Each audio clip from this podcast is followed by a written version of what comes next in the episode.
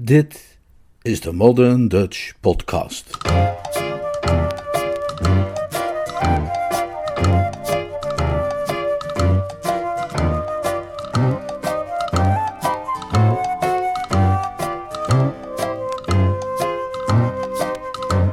Jill the Musical.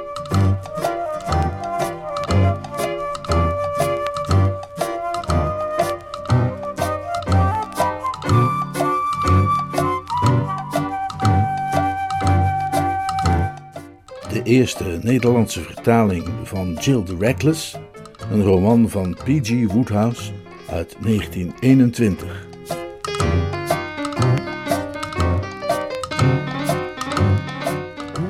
Vertaald en voorgelezen door Leonard Beuger.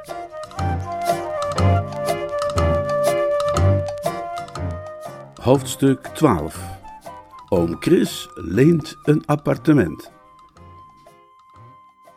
Oom Chris liep opgewekt de kamer binnen, terwijl hij met een zwierig gebaar een handschoen uittrok. Hij bleef even staan toen hij zag dat Mr. Pilkington niet alleen was.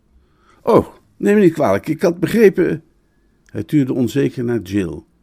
Mr. Pilkington hanteerde een zwak, artistiek verlichtingssysteem in zijn appartement en mensen die van buiten kwamen moesten over het algemeen even de tijd nemen om hun ogen eraan te laten wennen. Maar als je bezet bent, uh, staat u mij toe, uh, Miss Mariner, Major Selby. Hallo, oom Chris, zei Jill. Goeie hemel, riep de verschrikte avonturier op leeftijd en liet zich op het bank neervallen alsof zijn benen onder hem vandaan werden gemaaid. Ik heb overal in New York naar je gezocht, zei Jill. Mr. Pilkington bemerkte dat hij niet was opgewassen tegen de intellectuele druk van dit gesprek. Oom Chris, zei hij met een voorzichtig vragende toon in zijn stem. Major Selby is mijn oom. Weet je dat zeker? vroeg Mr. Pilkington. Ik bedoel, niet in staat om ook na een kort moment van zelfonderzoek vast te stellen wat hij bedoelde, verviel hij opnieuw in stilte. Wat doe jij hier? vroeg oom Chris. Ik heb thee gedronken met Mr. Pilkington. Maar, maar hoezo Mr. Pilkington? Tja, hij heeft me uitgenodigd. Maar hoe ken je hem dan? We hebben elkaar ontmoet in het theater. Theater? Otis Pilkington hervond zijn spraakvermogen. Miss Mariner werkt mee aan een kleine productie waarin ik geïnteresseerd ben, legde hij uit. Oom Chris kwam gedeeltelijk overeind van de bank. Hij knipperde twee keer snel achter elkaar met zijn ogen. Jill had zijn gebruikelijke rustige houding nog nooit zo verstoord gezien. Je wilt me toch niet vertellen dat je bij het toneel bent gegaan, Jill? Jawel, ik zit in het ballet, in het ensemble, verbeterde Mr. Pilkington. Ik zit in het ensemble van een stuk dat de Amerikaanse Roos heet. We zijn al een heel eind op weg met de repetities.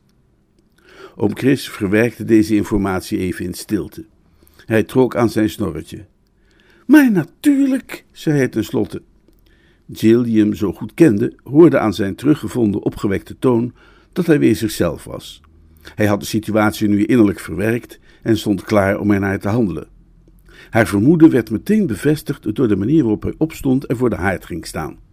Mr. Pilkington had een hekel aan centrale verwarming en de hele stad afgespeurd tot hij een studio-appartement had gevonden met een open haard. Oom Chris zette zijn voeten wat uit elkaar en ademde breed uit. Natuurlijk, dat is waar ook, zei hij. Ik herinner me nu dat je me al geschreven had dat je erover dacht bij het toneel te gaan. Uh, mijn nichtje, legde oom Chris uit aan door zorgvuldig toeluisterende Mr. Pilkington, is met een latere boot uit Engeland gekomen. Ik had haar nog voor geen weken verwacht. Vandaar mijn verbazing haar hier te ontmoeten. Maar natuurlijk, je schreef me al dat je van plan was op de planken te gaan. Waarop ik je dringend heb aangeraden om onderaan de ladder te beginnen en grondig het basiswerk te leren voordat je het hogerop ging zoeken. Ach, zo zat dat, zei Mr. Pilkington. Hij had het zich al afgevraagd. Er is geen betere opleiding, hernam oom Chris weer helemaal op zijn gemak, dan via het ballet. Zang en dans. Hoeveel van de bekendste actrices in Amerika zijn niet op die manier begonnen? Tientallen. Tientallen. Tegen ieder jong meisje met aspiraties op het gebied van theater zou ik willen zeggen: begin in het ballet. Uh, anderzijds, ging hij verder, zich tot Mr. Pilkington wendend, lijkt het mij wel verstandiger Mrs. Waddesleigh Pegram niet te vertellen dat mijn nichtje deel uitmaakt van het musical ballet. Zij zou dat wellicht niet begrijpen. Precies, stemde Mr. Pilkington toe. De term ballet, hè? daar heb ik zelf ook zo'n ontzettende hekel aan. De, term doet denken aan precies. Oom Chris ademde opnieuw breed uit, tevreden. Magnifiek, zei hij. Ja, ik kwam eigenlijk alleen even langs om je eraan te herinneren, mijn jongen, dat jij en je tante vanavond bij mij kwamen eten. Ik was bang dat een druk bezet man als jij het misschien zou vergeten. Nee, nee, ik eh, kijk er naar uit, zei Mr. Pilkington, gecharmeerd door die typering. Heb je het adres onthouden? East 41st Street, nummer 9. Ben verhuisd, weet je nog? Oh, daarom kon ik je nergens vinden, zei Jill. De portier zei dat hij nog nooit van je had gehoord. De stom idioot, zei oom Chris geprikkeld. Die New Yorkse portiers worden kennelijk uitsluitend betrokken uit zwakzinnige tehuizen. Ik neem aan dat hij nieuw was. Maar goed, Pilkington, jongen, ik verwacht je om zeven uur. Tot dan, tot dan. Uh, kom, Jill. Tot ziens, Mr. Pilkington, zei Jill. Tot ziens uh, voor dit moment, Miss Mariner, zei Mr. Pilkington terwijl hij zich vooroverboog om haar hand te pakken. De schildpadbril vuurde een laatste teder glanzende blik op haar af. Toen de voordeur achter hen dichtviel, slaakte om Chris een zucht van verlichting. Oef, ik geloof dat ik die kleine tegenslag diplomatiek heb weten te pareren. Behoorlijk diplomatiek, dacht ik zo. Nou, als u bedoelt, zei Jill streng, dat je een paar schandelijke leugens hebt verteld. Om bestwil, mijn liefje, om bestwil. Laten we zeggen, het waren uitspraken vrij en kunstzinnig vormgegeven uit de ruwe kleine waarheid.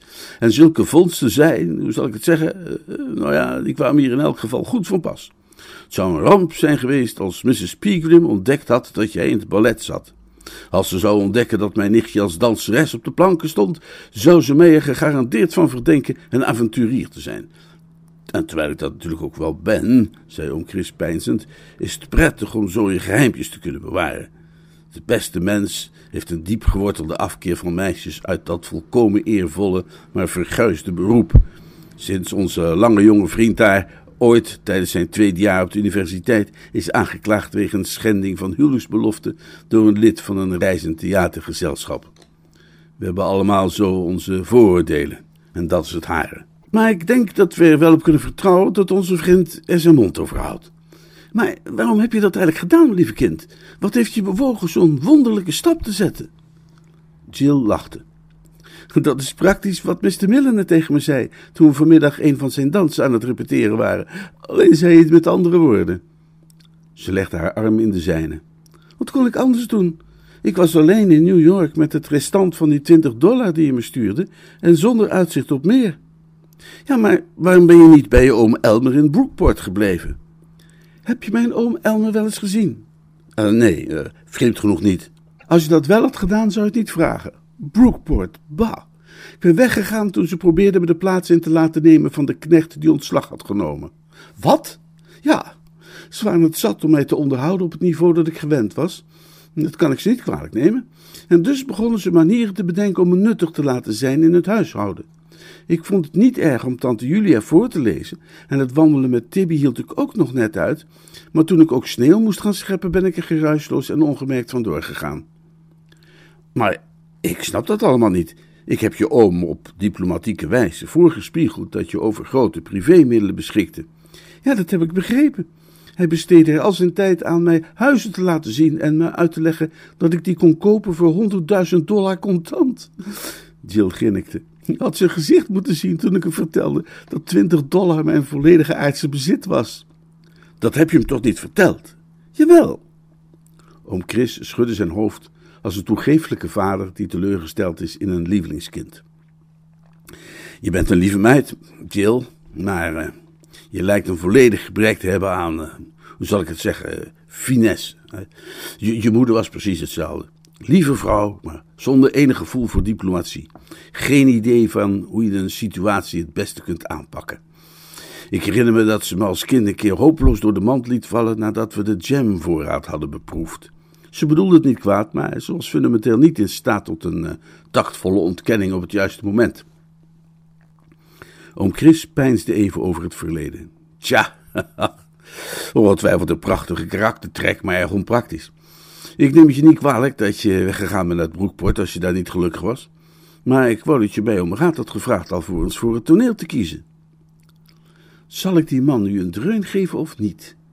Jill stelde die vraag tot de wereld in het algemeen. Hoe had ik je nu om raad kunnen vragen? Mijn beste brave oom, besef je dan niet dat je voor mij in het niets was verdwenen en me zonder enig geld had achtergelaten? Ik moest iets doen. En nu we het er toch over hebben, even over die verhuizingen. Waarom heb je me geschreven vanaf een adres aan 57th Street als je daar helemaal niet was? Oom Chris schraapte zijn keel. nou, uh, toen, ik, uh, je schreef was ik daar wel, uh, in, in zekere zin. Ik neem aan dat wat je zegt iets betekent, maar het gaat mij boven de pet. Ik ben lang niet zo intelligent als je denkt, oom Chris, dus je zult het me toch echt moeten uitleggen. Nou ja, kijk, het zat zo, mijn lief kind.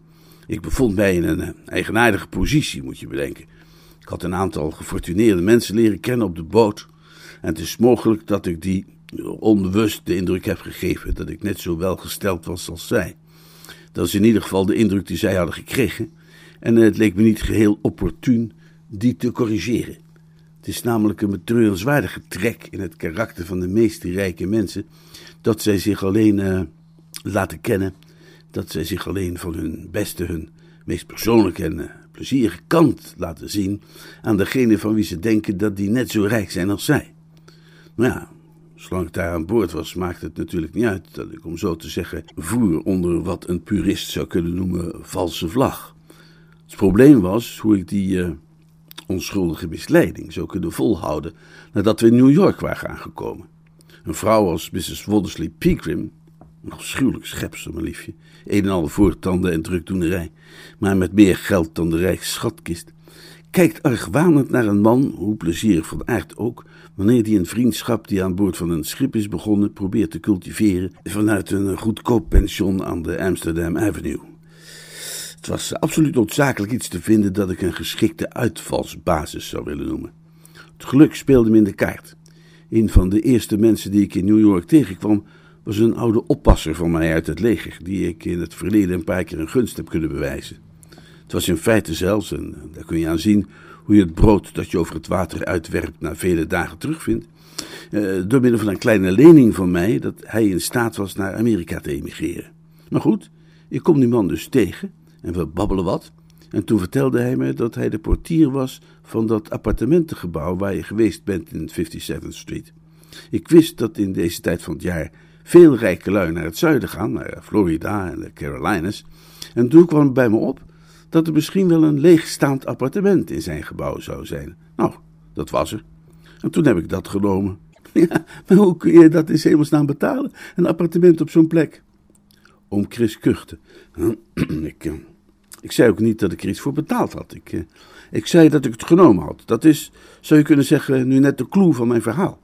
Mijn oude vriend, dankbaar voor destijds ontvangen gunsten, wilde mij wel een dienst bewijzen en stemde ermee in mijn medeplichtige te worden bij een andere onschuldige misleiding. Ik gaf mijn vrienden het adres en telefoonnummer van dat appartementengebouw, terwijl ik zelf elders een onderkomen betrok met een wat nederiger en voordeliger karakter. Ik belde elke ochtend of er post was. Als er iemand opbelde, nam de bewonderenswaardige kerel op in de hoedanigheid van mijn dienaar, nam het bericht aan en gaf het door aan mij in mijn pension. Tegen degene die belde, zei hij altijd alleen maar dat ik niet thuis was. Het was een waterdicht plan, mijn liefje. En de belangrijkste verdienste ervan was de schitterende eenvoud. Wat is dan de reden dat je het hebt opgegeven? Je geweten? Ik heb nog nooit iets opgegeven vanwege mijn geweten zei oom Chris resoluut. Nee, het was honderd tegen één dat er iets mis zou gaan, maar dat ene was wat er gebeurde. Als je wat langer in New York bent, zul je merken dat het een eigenaardigheid is van deze stad dat de arbeidende bevolking er in een voortdurende staat van verandering verkeert. Op maandag ontmoet je bijvoorbeeld een loodgieter. Ah, zeg je, een loodgieter, maar je fiek. Op de donderdag daarna kom je hem weer tegen, maar nu is hij uh, privéchauffeur. En een week later tapt hij frisdrank in een drugstore. Het is de schuld van die verdomde tijdschriften met hun advertenties voor schriftelijke cursussen. Uh, uh, verdient u wel zoveel als u zou kunnen? Volgens de schriftelijke cursus, zo word ik pluimveehouder. Dat geeft die mensen verkeerde ideeën. Maakt ze onzeker. In dit geval was dat ook zo. Alles liep op rolletjes tot bij Bannetje het plotseling in zijn hoofd kreeg dat het vak van chauffeur annex tuinman zijn eigenlijke lotsbestemming was en hij zijn baan opzegde. En hij jou dus uh, dakloos achterliet. Zoals je zegt, dakloos. Maar tijdelijk. Want gelukkig, ik heb de hele tijd ongelooflijk veel geluk gehad. Het lijkt er echt op dat een goede kerel niet valt te verslaan. Gelukkig had mijn vriend weer een vriend die conciërge was van een gebouw aan East 41st Street. En door een wonderbaarlijk geluk stond daar een appartement leeg. Het is namelijk een kantoorgebouw, maar zoals bij meer van die gebouwen is daar op de bovenste verdieping, op het dak eigenlijk, een kleine vrijgezellenwoning. En jij bent die kleine vrijgezel? Precies. Mijn vriend legde zijn vriend de zaak uit en een paar financiële details werden naar tevredenheid geregeld. En kijk eens aan, daar zit ik dan, volkomen gelukkig op het meest aangename plekje van de wereld en zonder huur. Ik ben in feite zelfs beter af dan voorheen, want de vrouw van mijn nieuwe bondgenoot is een uitstekende kokin en ik heb al een paar uiterst plezierige diners kunnen geven in mijn nieuwe huis. Het oogt allemaal wat uh, betrouwbaarder wanneer je ook eens mensen thuis kunt ontvangen. Als je nooit thuis bent als mensen bellen, gaan ze zich toch afvragen hoe dat zit. Ik ontvang vanavond jouw vriend Pilkington en Mrs. Pegram voor het diner. Gezellig, huiselijk en oneindig veel goedkoper dan een restaurant. En wat ga je doen als de eigenlijke bewoner tijdens het diner komt binnenlopen? Dat is uitgesloten. De conciërge heeft me verteld dat de beste man een paar weken geleden naar Engeland is vertrokken, met de bedoeling daar een paar maanden te blijven. Nou zeg, je denkt ook overal aan? Mijn successen in de loop der jaren, antwoordde om Chris met de waardigheid van een groot industrieel die een interviewer belangrijk nieuws openbaart, schrijf ik toe aan het feit dat ik altijd overal aan denk. Jill kraaide van het lachen. Haar oom had iets dat altijd als een soort verdovend middel werkte op haar gevoel voor moraliteit. Dat het in slaap wiegde en voorkwam dat het kritisch werd en in opstand kwam. Als hij iemands gouden horloge gestolen had, zou hij er op de een of andere manier nog in slagen haar ervan te overtuigen dat het voor Smans bestwil was geweest en geheel en al geschied op basis van een welgemeend altruïsme. En welk succes heb je dan nu bereikt? vroeg ze geïnteresseerd. Toen je bij me wegging, beloofde je me een fortuin te vinden. Heb je dat inderdaad gevonden? Mm, daar ben ik nog niet echt aan toegekomen, gaf oom Chris toe. Maar het zweeft overal om me heen in de lucht. Ik hoor de vleugeltjes van die dollarbiljetten al slaan terwijl ze heen en weer fladderen, bijna binnen handbereik. Vroeg of laat kan ik ze grijpen. Ik vergeet geen moment, mijn liefje, dat ik een taak heb om jou het geld terug te bezorgen waarvan ik je heb beroofd. Op een dag, daar kun je van verzekerd zijn, doe ik dat ook. Op een dag zul je een brief van mij ontvangen, een enveloppe met een groot bedrag, 5000, 10.000, 20.000 flappen of wat het ook mag zijn, en daarbij de eenvoudige woorden: eerste afbetaling. Hij herhaalde die frase alsof hij daar genoegen in vond: eerste afbetaling. Jill legde haar hoofd tegen zijn arm. Ze voelde zich zoals vroeger wanneer ze naar hem luisterde als hij haar sprookjes vertelde. Ga verder, zei ze, ga door. Het is geweldig. Er was eens een oom Chris die over Fifth Avenue liep, toen hij daar toevallig een arme oude vrouw tegenkwam die hout aan het sprokkelen was voor het vuur. Ze zag er zo oud en moe uit dat hij medelijden met haar kreeg en haar de tien cent gaf die hij van de conciërge had geleend en plotseling veranderde ze in een prachtige jonge vrouw en zei: Ik ben een fee en in ruil voor je vriendelijkheid zal ik drie wensen voor je vervullen. En oom Chris dacht even na en zei: Ik wil 20.000 dollar naar Jill sturen. En de fee zei: Het zal geschieden. En wat is je volgende wens? Nou, het is natuurlijk best om daar grapjes over te maken, protesteerde oom Chris, gepijnigd door deze luchthartigheid. Maar laat me je wel vertellen dat ik geen magische hulp nodig heb om een rijk man te worden. Besef je wel dat ik in zulke huizen als dat van Mrs. Waddesley Pegram voortdurend mannen ontmoet die maar een enkel woordje hoeven te laten vallen om mij miljonair te maken? Het zijn dikke, grijze mannen met vissenogen en enorme vesten rond hun buik gespannen, die sigaren zitten te roken en te piekeren over wat ze de volgende dag met de markt zullen gaan doen. Als ik gedachten kon lezen, had ik al wel tien fortuinen kunnen verdienen. Ik heb langer dan een uur tegenover Bruce Bishop gezeten, die oude piraat. De dag voordat hij met zijn bende de samenwerkende olienoten twintig punten omlaag wist te krijgen. Als ik had geweten wat er in de lucht hing, ik vraag me af of ik me dan had kunnen inhouden die kerel zijn bedoelingen onder de nodige druk te ontfutselen. Nou ja, Wat ik probeer duidelijk te maken is dat een deze dagen een van die taaie, zwijgzame oesters in een kortstondig moment van bijna menselijk medeleven zich een tip zal laten ontvallen waar ik iets mee kan. Het is die overweging waardoor ik zo voortdurend in het huis van Mrs. Pegram te vinden ben. Oom Chris huiverde een beetje. Een getuchte vrouw, liefje. Weegt 180 pond en is zo dartel als een lammetje in de lente. Ze wil maar steeds met me dansen. Oom Chris vertrok zijn mond in een pijnlijke kramp en hij zweeg even. Hemel zij dank dat ik ooit een rugbyspeler ben geweest, zei hij met eerbiedige vrees. Maar waar leef je van? vroeg Jill. Ik weet natuurlijk dat je dinsdag over een week miljonair zult worden, maar hoe gaat het dan ondertussen met je? Oom Chris kuchte. Tja, eh, wat de feitelijke kosten van het levensonderhoud betreft, ben ik er door een eh, slimme zakelijke zet in geslaagd een klein maar toereikend inkomen te verwerven. Ik woon in het pension, dat is waar, maar het lukt me de wolf van de deur te houden. Wel een deur trouwens die dringend een likje verf nodig heeft. Heb je wel eens van Nervino gehoord? Nou, ik geloof het niet, maar het klinkt als een patentgeneesmiddel. Het is ook een uh, patentgeneesmiddel. Oom Chris zweeg even en keek haar bezorgd aan. Jill, je ziet er erg bleek uit, mijn liefje. Is dat zo? We hebben een nogal vermoeiende repetitie achter de rug. Weet je zeker, vroeg oom Chris ernstig, dat dat alleen dat is? Weet je zeker dat je vitaliteit in het algemeen niet is afgenomen door de intensiteit en het tempo van het leven in de grote stad?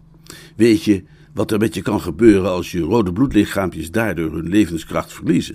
Ik heb een vriend gehad die. Stop, je maakt me doodsbang. Oom Chris draaide tevreden zijn snor op. Dat is precies wat de bedoeling was, mijn liefje.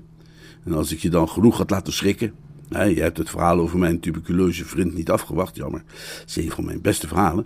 Dan zou ik je daarna hebben toevertrouwd dat ik dat zelf was geweest. ik had tot voor kort immers hetzelfde soort problemen, maar onlangs had ik een keer Nervino geprobeerd, dat geweldige middel. Nou ja, dat was een voorbeeld van mezelf in actie dat ik je daar gaf, liefje. Ik ben naar die Nervino mensen toegegaan. Ik had toevallig een van hun affiches gezien en ik kreeg het idee in een flits. Ik ben naar ze toegegaan en ik heb gezegd, dit ben ik. Een uh, presentabele man met grote overtuigingskracht. Een ruime kring van bekenden onder de vooraanstaande leden van een New Yorkse betere stand. Wat is het jullie waard om mij zo van tijd tot tijd op etentjes enzovoorts te laten doorschimmen? Dat Nervino het wondermiddel is voor de welgestelde grote stadsbewoner. Ik heb het ze helder uiteengezet. Ik zei, u heeft ongetwijfeld duizend vertegenwoordigers in de stad, maar heeft u er ook een die er niet uitziet als een vertegenwoordiger en die niet praat als een vertegenwoordiger? Heeft u er een in de huizen van de rijken, aan hun eigen eettafel, in plaats van op de stoep met zijn voet tussen de deur? Dat is wat u eens zou moeten overwegen. Zo, ze zagen het meteen zitten. Hè?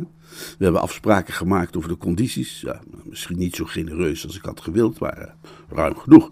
Ik ontvang elke week een uh, redelijke bijdrage en in ruil daarvoor verspreid ik het ware woord over Nervino in de gulden paleizen der rijken. Uh, dat zijn de mensen om voor te gaan, Jill. Ze zijn zo druk bezig geweest geld te ontrukken aan weduwe en wees, dat ze geen tijd hebben gehad om op hun gezondheid te letten. Je vangt er altijd wel een na diner, juist als zij zich zit af te vragen of het wel zo verstandig was geweest om twee porties van de kreeft Newburg te nemen. En hij is als was in je handen. Ik schuif mijn stoel dichter naar de zijne en word vertrouwelijk en zeg dat ik tot voor kort zelf precies dezelfde probleem had. En ik noem een goede oude vriend van mij die aan indigestie is gestorven en leid het gesprek langzaam aan in de richting van Nervino. Ik dring het ze niet op. Ik vraag ze niet eens om het een keer te proberen. Ik wijs alleen maar naar mezelf, rooskleurig van gezondheid, en zeg dat ik alles aan dat spul te danken heb. Hè? Klaar is Kees. Ze bedanken me uitbundig en krabbelen de naam op de manchette van hun overhemd. En dat is het. En ik denk niet, zei oom Chris filosofisch, dat het spul een echt kwaad kan doen. Ze waren op de hoek van 41st Street aangekomen. Oom Chris voelde in zijn zak en haalde een sleutel tevoorschijn. Uh, als u mijn gezellige nestje even wilt bekijken, kun je jezelf binnenlaten. Het is op de 22e verdieping. Ga vooral ook even dak op om naar het uitzicht te kijken. Het is de moeite waard. Dat geeft je meteen een idee van de grootte van deze stad. Een prachtige, geweldige stad is het, mijn liefje. En vol met mensen die behoefte hebben aan Nervino. Ik zelf loop nog even wat verder en ga een half uurtje langs bij de club. Ze hebben me een torenskaart gegeven voor veertien dagen bij de Avenue Club. Magnifieke tent. Hier heb je mijn sleutel. Jill sloeg 41st Street in en kwam bij een gigantische constructie van staal en steen die de bescheiden bakstenen huizen ernaast deed verbleken. Het was wonderlijk om te bedenken dat op de top van deze berg een woningje was genesteld. Ze ging naar binnen en de lift bracht haar met duizelingwekkende vaart naar de 22e verdieping. Ze stapte uit aan de voet van een korte stenen trap die uitkwam bij een deur. Ze beklom de trap, stak de sleutel in het slot, draaide hem om en kwam in een gang terecht. Aan het eind daarvan bereikte ze een woonkamer. Het was een kleine kamer, maar ingericht op een geruststellend comfortabele manier. Voor het eerst sinds ze in New York was aangekomen, had ze het gevoel mijlenver verwijderd te zijn van de drukte en het lawaai van de stad. Er heerste een volledige, rustgevende stilte. Ze bevond zich alleen in een kokon van boeken en luie stoelen, waarop een grote staande klok neerkeek met het welwillende ronde gezicht dat eigen is aan zijn soort. Zo vredig was het in dit adelaarsnest, hoog boven het rumoer en geratel van de beschaafde wereld, dat elke zenuw in haar lichaam leek te ontspannen in een genoeglijke tevredenheid. Het was alsof ze in het huis was van Peter Pan, hoog in de toppen van de bomen.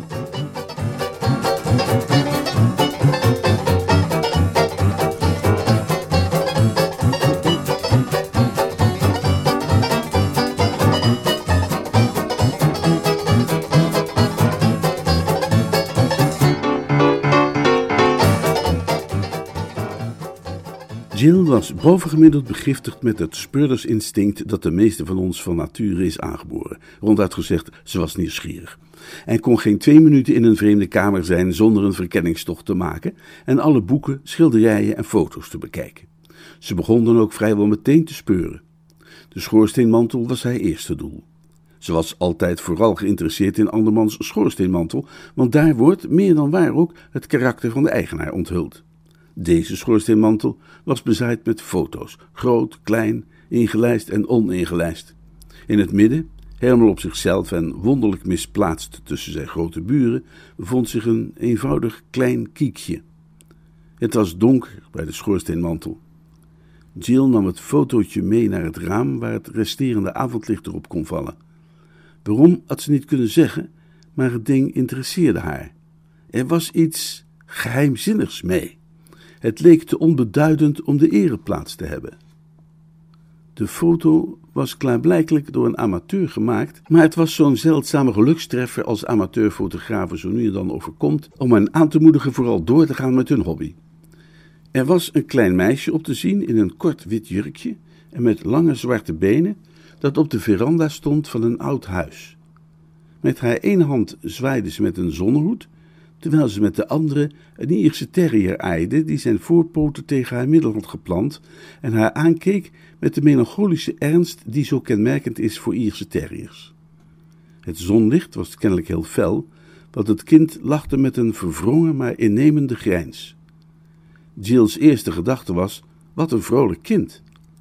Maar toen, met een sprongetje van haar hart, waardoor er iets groots en verstikkends in haar keel leek te schieten, zag ze dat het een foto was van haarzelf. Met een reusachtige zwaai raasde haar herinnering terug door de jaren. Ze kon de hete zon voelen op haar gezicht en de angstige stem horen van Freddy Rook, die toen veertien was en net zijn eerste camera had gekregen, die haar smeekte alsjeblieft zo te blijven staan, want dat het maar heel even zou duren, maar dat dat snetding was vastgelopen of zoiets. Dan de scherpe klik de twijfelachtige verzekering van Freddy dat het volgens hem zo goed was, als hij tenminste niet vergeten had de film door te draaien, in welk geval ze kon verwachten te zijn vastgelegd in combinatie met een koe die hij onderweg naar haar huis had gekiekt, en de opgeluchte verdwijning van Pat, de terrier die geen verstand had van fotografie. Hoeveel jaar geleden was dat? Ze kon het zich niet herinneren. Maar Freddy was opgegroeid tot een langbenige kerel en zij tot een leeftijd van discretie en lange rokken. Pet was dood en het oude huis werd nu bewoond door vreemden. Maar hier in haar hand lag de stille verbeelding van die zonovergrote middag, drieduizend mijl verwijderd van de Engelse tuin waarin die was ontstaan. De schaduwen werden dieper. Het bovenste deel van het grote gebouw bewoog zachtjes heen en weer, waardoor de slinger van de staande klok tegen de zijkanten van de houten kast klopte. Jill schrok. Het geluid, dat plotseling klonk naar de doodse stilte, maakte haar bang totdat ze zich realiseerde wat het was. Ze kreeg het angstige gevoel dat ze niet alleen was. Het was alsof de schaduwen boze kobolden verborgen hielden die naar haar tuurden. Ze rende naar de schoorsteenmantel en legde de foto terug. Ze voelde zich een personage uit een sprookje dat aan de spullen heeft gezeten in het kasteel van de reus. Zo straks zou ze het geluid horen van een zware voetstap. Bons, bons, bons. Jill's hart maakte opnieuw een sprong. Ze was er volkomen zeker van dat ze een geluid had gehoord. Het was net alsof er op een deur werd gebonst. Ze zette zich schrap en luisterde met al haar spieren gespannen. Tot plots de stilte werd doorbroken en haar stem klonk op de gang. De conducteurs van de nachttrein, die ondanks hun eeuwige chagrijn, toch altijd naar je op jacht zijn. Daar zijn ze, daar komen ze aan. Even had Jill niet kunnen zeggen of ze opgelucht was of juist banger dan ooit. Het is waar, de verdovende angst voor iets griezeligs had haar niet lang in zijn greep, want de reden zei hij dat spoken geen ragtime liedjes zingen. Anderzijds doen eigenaars van appartementen dat wel, en ze zou bijna net zo lief een spook hebben zien binnenkomen als de eigenaar van dit appartement. Duizelig vroeg ze zich af hoe ze in vredesnaam haar aanwezigheid moest verklaren. Stel dat hij een vreselijk cholerisch persoon bleek te zijn die naar geen uitleg zou willen luisteren. Als ze met hun keurige uniformen je coupé komen binnenstormen, daar zijn ze, daar komen ze aan. Er zijn kleine bij, maar ook enorme. Let op, want daar komen de heren. Hij was nu heel dichtbij, bijna bij de deur. Het bovenste bed inspecteren. Houd je kleine geld dan maar vast gereed. Een vage, vormeloze figuur in het zwart van de deuropening. Het gekrabbel van vingers op de muur. Huh, waar ben je, verdomme? zei de stem, kennelijk tegen de schakelaar van het elektrisch licht. Jill deinsde achteruit, haar wanhopige vingers diep in de rugleuning van een fauteuil gedrukt. Naast haar aan de muur flitste het licht aan. En daar, in de deuropening, stond Wally Mason in zijn hemdsmouwen.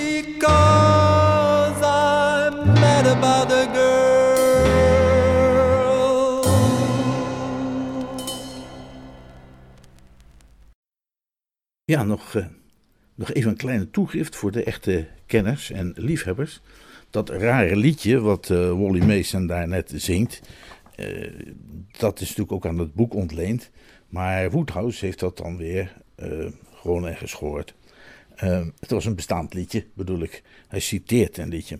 Ik, ik, kon zo gauw niet op de juiste melodie komen, dus ik heb, ik heb maar wat geïmproviseerd. Maar ik kan je de echte, uh, de, de, echte song laten horen.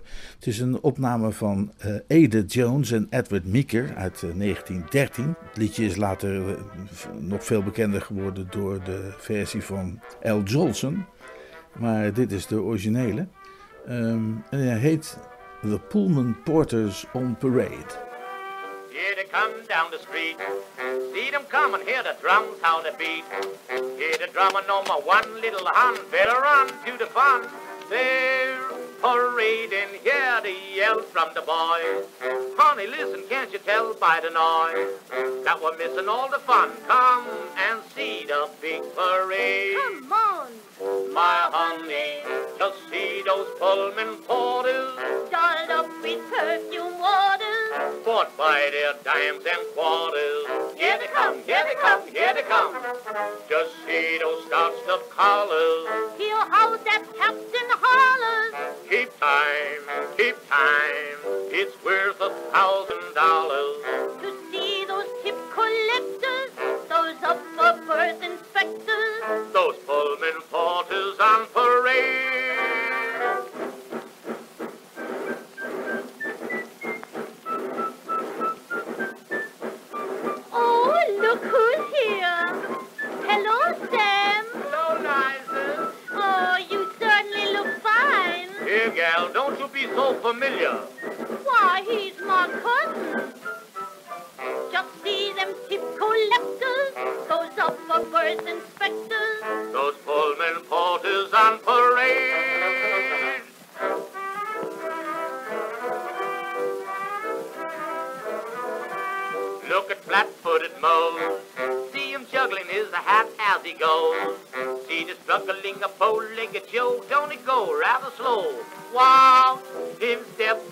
On the ground like a hen.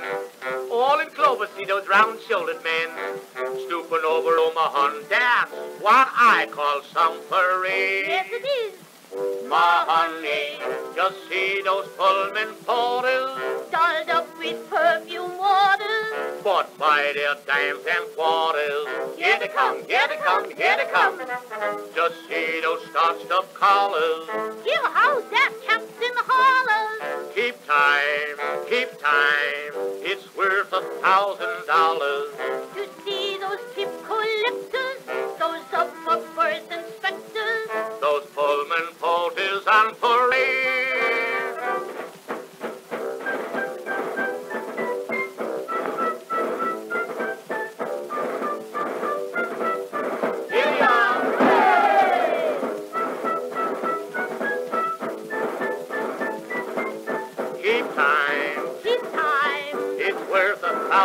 Dollars to see those tip collectors, those up above birth inspectors, those Pullman porters parade.